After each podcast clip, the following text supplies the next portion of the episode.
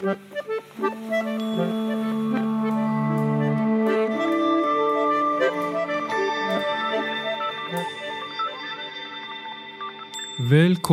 til podkasten Ytringsklima. Eh, mitt navn er Øyvind Kvalnes. Jeg er professor på Handelshøyskolen BI. I denne podkasten så snakker vi om hvordan folk snakker sammen på jobb. Og eh, gjesten i dag er psykolog Torg, Tord Fagerheim Mortensen. Eh, som underviser i ledelse, og som er friidrettstrener, og som eh, jeg har hatt glede av å undervise sammen med seinest eh, tidligere i dag. Velkommen, Tord. Tusen takk. Det var veldig hyggelig å være her. Og eh, vi har jo snakka mye om ytringsklima. Vi har jo det. Det Så- som er litt morsomt, da, hvis jeg får lov til å si det, hvis jeg får lov til å ytre meg, det er jo det at, at vi har vært på samme kurs mange ganger. Og du har snakka om ytringsklima, og jeg har snakka om psykologisk trygghet i samme kurs. Så det er litt spennende. Det er sant. Og vi har da overlappende og felles eh, interesser eh, rundt eh, denne tematikken her sånn. Og noe av det Altså, jeg, jeg kommer tilbake til det, men jeg hadde, jeg opp, hadde en ubehagelig opplevelse for ikke så lenge siden, og jeg har invitert deg for å hjelpe meg til å forstå hva det var som skjedde. Eh, Men først har jeg lyst til å fortelle noe som jeg opplevde på vei til jobb i dag. Eh, Med fare for å høres ut som en, ut som en prest på vei til jobb i dag. Så eh, spaserte jeg da min vanlige rute, og jeg fikk etter hvert en fornemmelse at folk som jeg passerte, de så stirra på meg. Så tenkte jeg, hva, hva er det som foregår? Det var flere mennesker som gikk forbi meg, og de så litt sånn skjevt rart på meg. Og det kan jo selvfølgelig være innbilning, at man egentlig de, ser ikke på meg, men de, jeg hadde en fornemmelse av det. Og plutselig så var det en dame som kom imot meg og sa Du sleper frakken din langs bakken, sa hun. Og det hadde jeg nok gjort en god stund. Jeg har en lang, fin frakk som jeg gikk med i høyre hånda, og den slepte jeg langs bakken. Og så tenkte jeg etterpå eh, Hvorfor var det ikke noen eh, som sa fra om det før? Som tok ytringsansvar? Hva tror du om, eh, om det? Hva, hva kan være årsakene til at folk holder igjen når de ser noe sånt? I det tilfellet der så kan jo er det helt sikkert flere årsaker. Det ene kan være at de har dårlig tid, men det kan også være mer at de ikke ønsker å sette deg i forlegenhet. Fordi det er- en kode blant oss mennesker at vi ikke ønsker å sette hverandre i forlegenhet. F.eks. For hvis du har dårlig ånde, hvis du lukter svette, hvis du har buksesplitten åpen etc., så, så, så er det faktisk en slags kode mellom oss mennesker at vi ikke sier ifra. Så fremt du ikke står personen nært, da kan du si ok, nå må du passe på den buksesplitten og ta den opp. Men eh, fordi at du hvis, I det tilfellet her da, så kan du tenke at de tenker at den frakken der allerede var skitten. Så du vil ikke gjøre noe særlig forskjell å fortelle deg at den frakken for det, de hadde sett at du observerte. de hadde observert deg over flere meter med denne frakken, så skaden var på en måte allerede gjort. Så det ville sannsynligvis ikke hjelpe så veldig mye å fortelle deg dette. Så det kan være rent sånn, hvis du ser det fra tilskueren sitt perspektiv, da. Eh, og så kan du tenke deg at noen andre kunne ha de helt feile interessene med å fortelle deg at du sleper frakken din, fordi at de gjør deg oppmerksom og setter deg på en måte i litt Potensielt sett i hvert fall i en forlegen posisjon. F.eks. hvis du står og underviser, og så sier eh, en student etter 40 minutter du har stått der foran klassen, så sier du du, eh, den buksesplitten din er åpen. Nettopp. Det er også et ytringsansvar, men det er ikke sikkert det har vært så hyggelig for deg. Nei. Men uh, med frakken så tenkte så ville jeg vært takknemlig. Jeg var takknemlig for hun som til slutt sa at uh, uh, du sleper frakken din langs bakken. Nettopp. Eh, men hun sa det en sånn, på en sånn streng måte. Så jeg tror, det, Ja. jeg tror jeg skapte litt sånn uorden i hennes eh, univers. Nettopp. Så det var kanskje ikke av hensyn til meg eh, at hun sa fra til slutt, men at det var noe som ikke hang sammen i universet. Da. Hun irriterte seg litt over at du gjorde det, rett og slett. Jeg tror det. Det var litt sånn bebreidelse. Og du opplevde egentlig at du gjorde noe feil? Ja. Eller? Jo, men jeg, jeg var glad for at hun sa fra. Og, og det, jeg skulle ønske at noen hadde gjort det tidligere, slik at øh, frakken kunne vært mindre møkkete. Da, for den ble jo mer og mer møkkete. Så det var på en måte at du hadde en forelesning, for å lage en analogi, da, Ja. eh, der du følte at her skjer det et eller annet. Noen har noen, det er noe bestemt som skjer i rommet her, men du klarer egentlig ikke egentlig å skjønne hva det er for noe, inntil en person sier du har buksesplitten åpen. Nettopp. Og, Og- dette minner meg også om en øh, episode som vi har snakket om tidligere i denne podkasten. Hvor det er et, kor som skal synge et verk, og så kommer dirigenten inn og gir feil tone til koret. Og Mm. da brer det seg også en sånn uro i Ja. rommet. Men dirigenten fanger ikke opp den uroen. Kanskje han fornemmer at noe er øh, galt, men, Ja. øh, men det ruller og går videre likevel. Ja, og jeg har også opplevd det med uh, forelesere der jeg sjøl på en måte var en uh, som kanskje var med på å bidra til at det ble slik. Men uh, vi hadde en, en, et lederutviklingsprogram som gikk over flere samlinger, og så var den personen inne ved samling én, og så kom inn i samling to, og fortsatte på samme forelesning, men tok med seg det han allerede hadde snakka om. Så han, han, han Han begynte gjentok seg selv. han, han gjentok seg selv, og det var flere slider der. Så han, kom til slide nummer fem. eh, før noen sa men det her har jo du snakka om før. Men jeg fikk en fornemmelse av mens jeg hørte på han, at dette her har jeg hørt om før, men nå har han tatt en kreativ vri på det. For han sa ikke helt eksakt det samme, men det var en del av de samme historiene. Og så kom det en person som sa eh, du har nå holdt det samme Og da hadde han brukt kanskje 50 minutter eller noe slikt. ikke sant? Hvordan taklet han den beskjeden? da? Han tok det veldig, veldig sporty og takka for, for det, og, og, og eh, innrømte at han, hadde, at han hadde litt dårlig hukommelse rundt det, og, så, og hadde sjekka med meg da også om, om uh, hvor han skulle være. Og jeg hadde heller ikke vært presis, så derfor var det også jeg var litt uh, eller medskyldig, for å si det på den måten. Men det er interessant, jeg reflekterte etterpå hvor lang tid det Jeg, jeg registrerte også at her er det et eller annet som ikke stemmer. i forhold til, For her, nå gjentar du de samme historiene. Og så kom han til den sliden med den kraftigste historien, som er liksom mest emosjonell, og da husker alle. Og da rakte vi på den, du, det her, denne historien har du fortalt, eh, fortalte du sist. Og da ble det klart for alle sammen, at, eh, og, da var det liksom ok. Mm. Men det er klart, det satte han litt ut der og da, men han henta seg veldig fort inn igjen da. Men, men i det tilfellet, det, du, du snakket om at det, det kunne sette meg i forlegenhet hvis noen sa fra om frakken. Ja, Og det kan vel også være noe som gjør at du holder igjen og ikke sier fra til foreleseren. At uh, du setter ham i forlegenhet, men jo lengre du venter, desto mer forlegen vil han vel bli? ja, det er det som er et paradoks, for jeg satt også og tenkte etterpå, for når jeg hørte den første historien, Ja, som ikke var så sentral, men så tenkte jeg den historien har du fortalt før.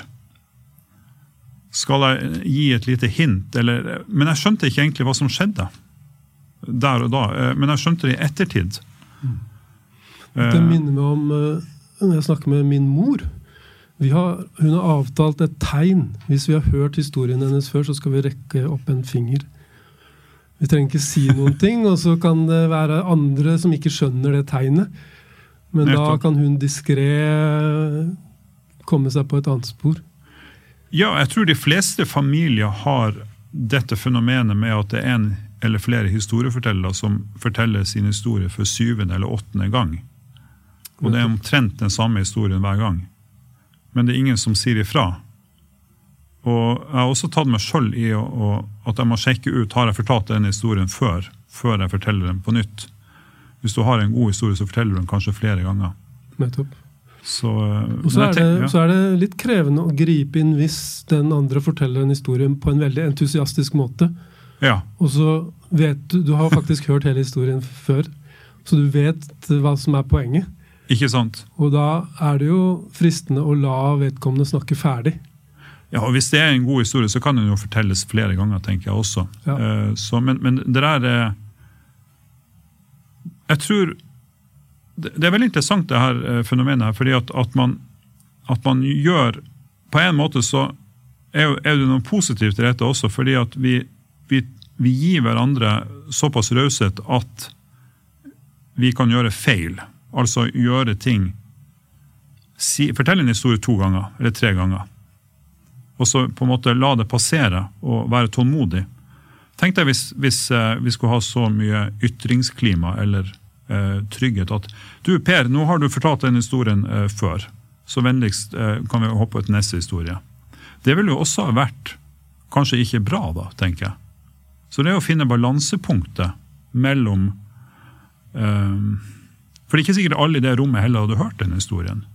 Jeg vet ikke. Men det blir også et, et, et ubehag i et, i et, lystig lag dersom eh, en i forsamlinga sier du, bestefar, den historien har du fortalt eh, nå ti ganger, så nå, nå, nå er, kan, kan, ikke du bare hva, hva, tenker du om det, Øyvind?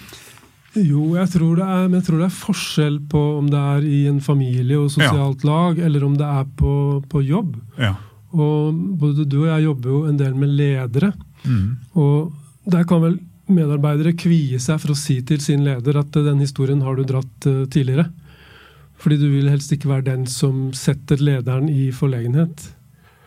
Uh, men det er faktisk en forlegenhet, og den kan dukke opp når som helst. Og den kan bli større, som du sa i stad. Nemlig det at hvis du, hvis du ser at lederen gjør noe som er helt grunnleggende feil foran en forsamling, og at det blir jo lenger vedkommende holder på, f.eks. med å bruke feil navn om en person i rommet hele tiden. Kalle Kari for, for uh, Josefine, f.eks. Og så heter, heter hun Josefine, da. Nettopp. Uh, dette er på en måte en inngang til å snakke om uh, ytringsansvar. Da. For en ting som du og jeg har snakket om, er jo at innenfor ytringsetikk kan vi si, så har vi både ytringsfrihet, men så snakkes det ganske lite om ytringsansvar. Eh, og den historien jeg har lyst til å, få hjelp fra deg til å tolke, den handler jo om ytringsetikk. Og kanskje er det en person her som tar, yt tar ytringsfriheten for gitt. Men, men, sier lite om, eller er lite opptatt av ytringsansvaret. Da. Eh, men eh, kort fortalt så eh, skjedde dette i et prosjekt som jeg er med på på jobb. Og en medarbeider, en kollega, kommer bort til meg og sier Øyvind, du er en drittsekk, sa han til meg. Og så viste det seg at han var uenig i noe jeg hadde vært med på å gjøre. Hva, hva, var det du sa da når han sa 'du er en drittsekk'? Sa han noe mer? Og hva sa du? holdt jeg på å si? Hva skjedde konkret? Nei, Han begynte å forklare hva han mente. Uten at, at du nei, jeg, Han brukte det som en etikett ja, til sin foredrag? holdt jeg på å si. Ja, nettopp så holdt han et foredrag om hvorfor det hadde vært med på å bestemme var dumt i hans eh, øyne. Nettopp. Men så fikk jeg sjanse til å si at eh, jeg er ikke så glad for at du kaller meg en drittsekk. Ja. Eh, så, så, eh, så, snakket vi litt fram og tilbake om det.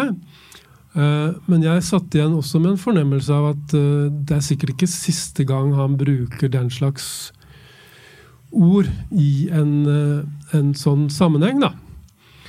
Og da har jeg tenkt etterpå Jeg har koblet dette litt opp mot psykologisk trygghet, da. Mm. Uh, så jeg tenkte at er dette et eksempel på en person som er for trygg, nærmest? Jeg, har tenkt meg at han, han uh, snakker på den måten fordi han vet at uansett hva han sier, mm. så er det ingen som kommer til å ta tak i det. Han kommer til å møte litt spake protester, sånn som han fikk fra meg. men jeg tror dette her kommer til å gjenta seg. Uh, og, og, noe av det jeg har tenkt rundt det, det er jo uh, uh, Er vi moralsk konfliktsky, på en måte, når vi ikke tar tak i det her og er mer sånn klare på det? Men altså, hvordan skal vi forstå dette her koblet opp mot uh, psykologisk trygghet? Ja, eh, Punkt nummer én jeg tenker er at, at uh, dette har jo ingenting med psykologisk trygghet å gjøre i utgangspunktet. Uh, den ytringa han kom med. Fordi at det er ikke slik at, at psyk dersom du altså, Psykologisk trygghet må jo forstås som eh, Altså at du gjør en, en, vurdering av skal jeg si dette her, eller skal jeg ikke si det fordi jeg er redd for konsekvensene av å si det. Så Derfor kan man si ja, men det betyr at du, du egentlig kan si alt. Og da, Hvis du kan si alt, så er du fullstendig trygg. Men psykologisk trygghet handler mer om øh, å få ting til sammen. Altså i, på en arbeidsplass. Så Det er knytta til arbeidsliv. Og på jobb så en, har vi noen oppgaver, vi har noen formål, vi har noe vi Det er en grunn til at vi, vi gjør det vi gjør. Og Da er jo spørsmålet er det slik at, at jeg har informasjon, ideer, kunnskap, erfaringer, perspektiver som kan bringe oss videre, men jeg tør ikke å si det.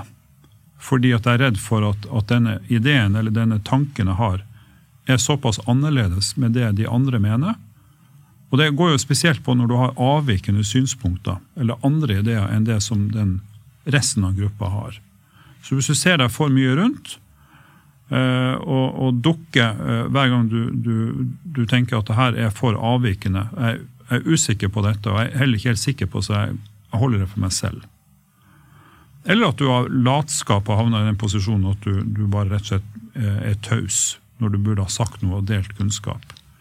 Det som han gjør her, det er jo å gå til et personangrep eh, og kategorisere noe du har gjort.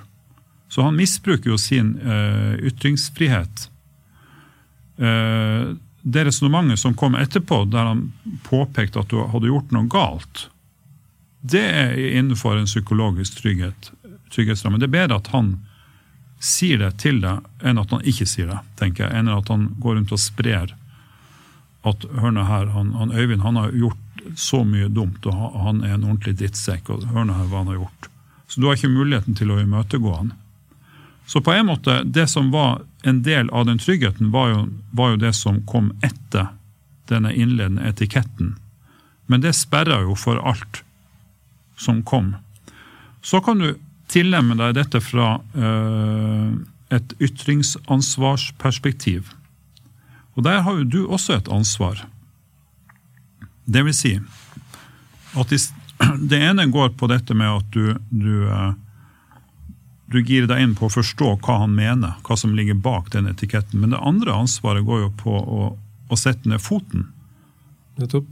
På å si at, at, uh, at, at når du omtaler meg som en drittsekk, så sperrer det for, uh, for kommunikasjon mellom oss.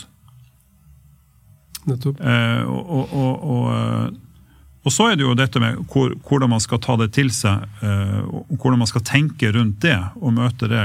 om man skal la seg fornærme, eller om man skal, man skal, man skal, man skal tenke det at det her er et uttrykk for en form for for aggresjon eller en, en, frustrasjon, eller hva det er for noe, å, ta en litt sånn mer utforskende uh, inngang til det, men ikke ta det personlig. Og det, det har å gjøre med hvordan du, du møter det. Nettopp. Det er forskjellige ting jeg tenkte rundt det. da. Det ene er at uh, jeg prøver selv å skille mellom personkarakteristikker og handlingskarakteristikker. Så Han starter jo med en personkarakteristikk. Og så glir det over til å bli en handlingskarakteristikk. Ja. Uh, og det, det, er jo mer Det er jo et, et bedre søkelys. Ja. Altså, la, la, oss diskutere disse handlingene her, framfor å diskutere meg som person, på en måte. Uh, men jeg har lurt på uh, For jeg, jeg, hører jo lignende historier fra andre arbeidsmiljøer. At du har noen mennesker som er hva skal jeg si, frittalende og karakteriserende. Og karakteriserende. Så vi må skille mellom frittalende. Ja. Sånn, frittalende betyr at du sier det du mener. Det er jo greit, det ønsker vi, at folk sier det de mener. Men hvis frittalende betyr at du, da sier du også, kommer du med karakteristikker av folk. Er det det du mener med å si frittalende? jeg tenker at Frittalende kan være, dekke begge deler. Da. At det, det er uh, en uh, Å ta stort handlingsrom, både med å karakterisere Både uttrykke sine meninger og karakterisere andre. Så jeg har også tenkt tilbake på det at uh, en beskrivelse som brukes om psykologisk trygghet, er jo at her kan Hvis jeg kjenner meg psykologisk trygg, så tenker jeg her kan jeg være meg selv. Og på en måte så er jo han seg selv. Ja, for jeg tenker han kjenner at det er trygt ja, mm. å være, være, på den måten. Jeg tenker at Psykologisk trygghet ikke handler om å, være, om å være, seg selv. Det handler om å, å eh, dele informasjon, erfaringer, perspektiver, kunnskap eh, om det som vi snakker om nå. For meg så blir det å være seg selv det blir eh, en for søkt, søkt definisjon, for da kan du egentlig tillate alt innenfor den eh, kategorien, så lenge du kan du alltid setter at det, det, er et uttrykk for meg selv her og nå. Jeg tenker også Noe som ligger i dette perspektivet med psykologisk trygghet, det er jo at Legg merke til at, at uh, psykologisk trygghet handler jo om at du ser gruppa an før du sier noe. Altså at du, du føler at du, du, er redd for konsekvensen av å si noe. Derfor sier du det ikke. Så Det betyr at innbakt i dette med psykologisk trygghet så ligger det eh, en tanke om at du tar den, de andres perspektiv. På en, måte det, på en måte er det noe positivt i det også, at du tar gruppa sitt perspektiv. Men det som er clouet med psykologisk trygghet, det er det at gruppa har jobba på en sånn måte at du føler deg trygg til å si det, fordi at du ser det fra gruppa sitt perspektiv. Og så du, tenker du at her er det faktisk trygt å si disse tingene som går imot gruppa. For jeg vet, jeg føler meg trygg på at jeg blir ivaretatt og respektert som menneske etter at jeg har sagt dette her. Så, og, og, jeg mener at det ligger innbakt i dette med, med at det ligger et, sånn, eh, et evne til å ta andre sitt perspektiv og at de andre kommer fordelaktig ut fra den på en måte uh, aritmetikken, psykologiske aritmetikken oppi hodet ditt som du gjør der og da. Men det han gjør her, det er jo uh, Går jo ikke på det, for det vil jo alle holde. For Jeg kan ikke forestille meg det at det å bli kalt drittsekk er noe du kunne forestille at folk ønsker å bli kalt. Så Derfor går dette på en måte, det er noe, et, noe annet. Jeg tenker at innenfor hvis du, hvis du, tenker at det var lov til å si, kalle hverandre for drittsekker på jobb, så ville du få en ekstremt uh, uh, lit, Du ville få en veldig ubehagelig situasjon hvis du måtte ha med disse personene å gjøre. Så det som skjer med slike folk som, som går rundt og kaller folk for drittsekker, de blir jo isolert på jobb. Så de blir jo marginalisert, fordi at ingen som vil ha med de å gjøre. Så det, På sikt så skaper du egentlig et veldig stort problem for de som, som, uh, som, oppfører seg på den måten. Men noen av de som oppfører seg på den måten, er jo faglig veldig dyktige. Ja. Ikke sant? Så kanskje uh, kan vi snakke om en slags beskyttelse som disse menneskene har. Ut fra sin faglige tyngde og sin autoritet og sin status. Uh, som gjør at de opplever en beskyttelse. Altså at det, her kan jeg si Kan jeg kalle folk med stygge navn. Uh, og det kommer ikke til å slå tilbake på meg på noen som helst måte. På en negativ måte. Um, så uh, hva med å kalle det en slags overbeskyttelse, da? Ja, hvis du, hvis du, hvis du tenker på begrepet psykologisk trygghet som uh, Edmundsson har forska frem, så er jo Husk på det at det begrepet der det knytter seg til uh, i utgangspunktet til statusgrupper med uh, høye statusforskjeller. Og Man fant ut det at når man klarte å, å viske ut de statusforskjellene, så fikk man større psykologisk trygghet. Vil si at de med lav status kunne si ifra om ting som de med høy status da F.eks. sykepleiere, hjelpesykepleiere, hjelpepleiere og, og leger. Og hun jobba mye med kirurgiske team og så på statusforskjellene der. Og fant ut at når de jobba på en måte der man hadde utviska en del av de statusforskjellene, så fungerte de bedre, hadde større psykologisk trygghet og gjorde det bedre som gruppe. Men her er det jo en situasjon der de med høye status da utnytter denne ytringsfriheten da, til egentlig å lage et større gap uh, mellom folk. Ikke sant? Fordi at du blir kategorisert på en veldig negativ måte av en person da med Jeg vet ikke hvem denne, personen er, men men, men, men, eh, men, det vil jo egentlig bidra til det motsatte av psykologisk trygghet. Eh, så, så vidt jeg forstår, så er psykologisk trygghet noe som beskrives på gruppenivå? Ja. Ikke sant? Ja. Uh, og så kan det tenkes at internt i gruppa, la oss si det er ti stykker i gruppa, ja. så hvis du spør de ti hvordan er den psykologiske tryggheten i denne gruppa her, så kan du få varierende svar på det. Nettopp. Og kanskje ut fra den enkeltes eh, perspektiv selv. Så en person kan si at jo, her hos oss er det trygt å være uenig og komme med motforestillinger. Mens hvis du spør en helt annen person i den samme gruppa, så kan du få ja. andre svar. Absolutt. Gruppa har ofte ikke kontroll over eh, hvor trygt det er i en gruppe. Eh, det er veldig vanlig at ledere sier at, at uh, min dør står alltid åpen. Folk er alltid velkommen til å ta ordet uh, og si det de mener. Det er ganske populært faktisk å, å, å, å si at her er det høy takhøyde osv. Men, men for å få til psykologisk trygghet, så må du være mer strukturert i din tilnærming til når du løser diskutere vanskelige saker. At du, du, du sørger for å Måten du, du legger til rette for kommunikasjon, gjør at du, du, aktiverer en større del av gruppa, da, så å si. Uh, og at du også et, er veldig sånn tydelig på å etterlyse forskjellige perspektiver på det vi jobber med. Uh, og at du, du er, holder mulighetene åpne lenger i diskusjonen du ikke lukker for tidlig. Så det er mange eh, typer tilnærminger du kan gjøre for å øke den psykologiske tryggheten, men du må være eh, ganske så strukturert. Men hva tenker du det skal til for å skape psykologisk trygghet der hvor du har en person eller noen personer som er skarpe i ja. personkarakteristikkene?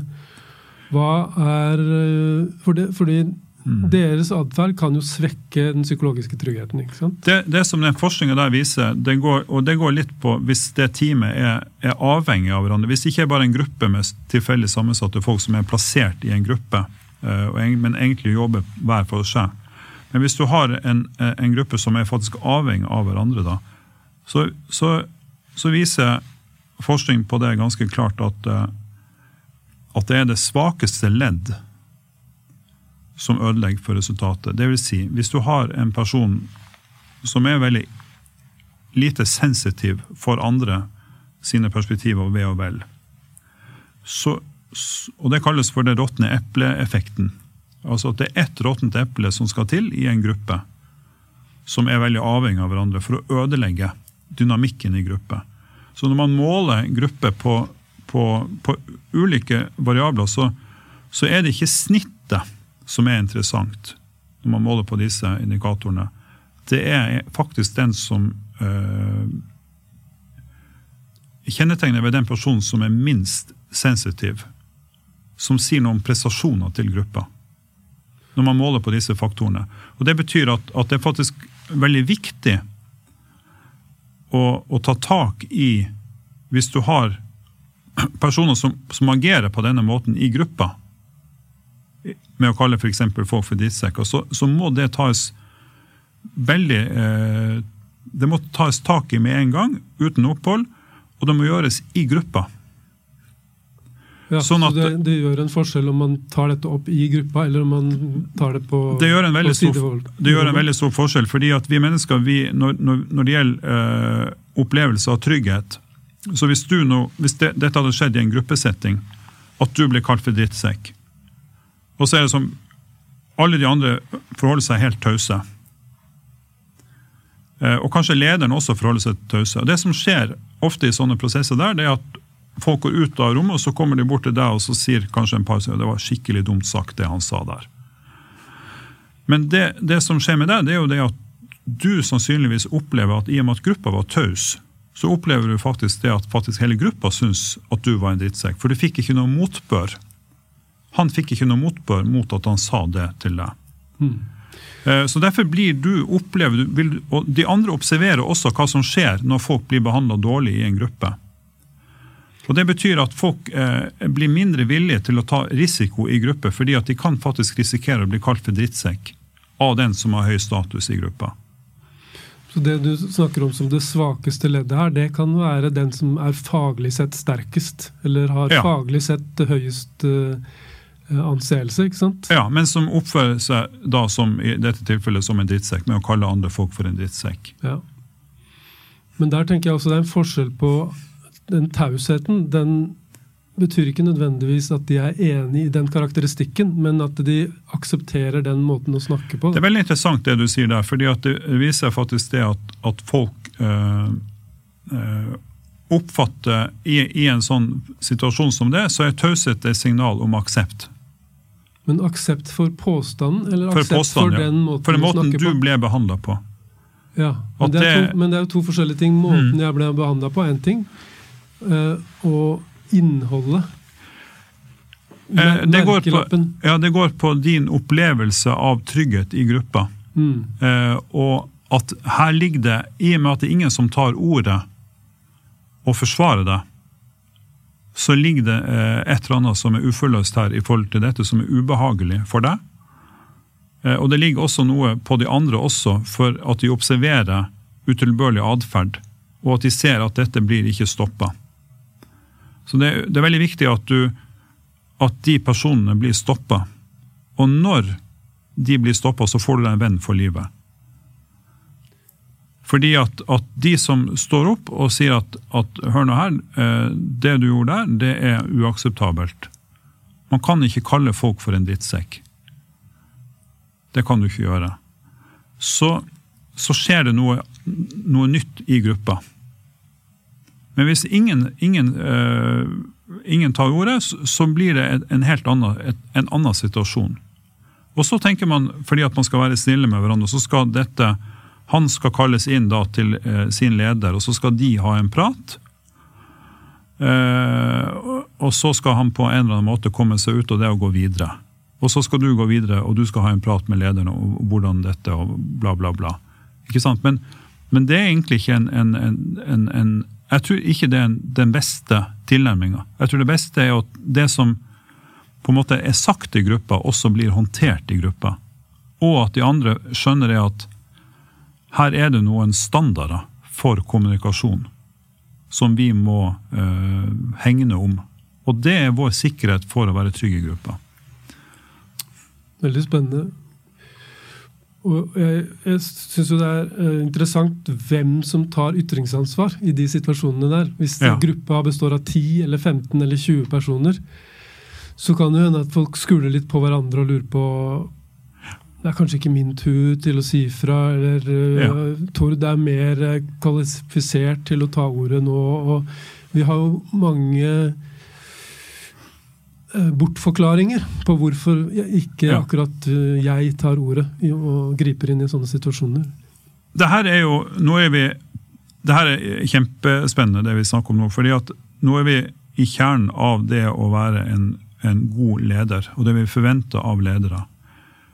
Mennesket forventer at lederen skal ta ansvar og administrere trygghet i gruppa. Det er faktisk en lederoppgave, sånn evolusjonært eller antropologisk sett, at ledere har skjøtter en, skjøtter en funksjon for å ivareta tryggheten i gruppa. Fordi det er, en, det er faktisk en belastning med å ta den jobben, med å si ifra. Det er gjort en del studier rundt dette med, eh, som kommer etter andre verdenskrig. Man var veldig opptatt av å finne ut hvordan var det mulig å, å gasse seks eh, millioner jøder i, i, gasskammer. Hvordan var det mulig å få det til? Det var jo et system som sto bak det.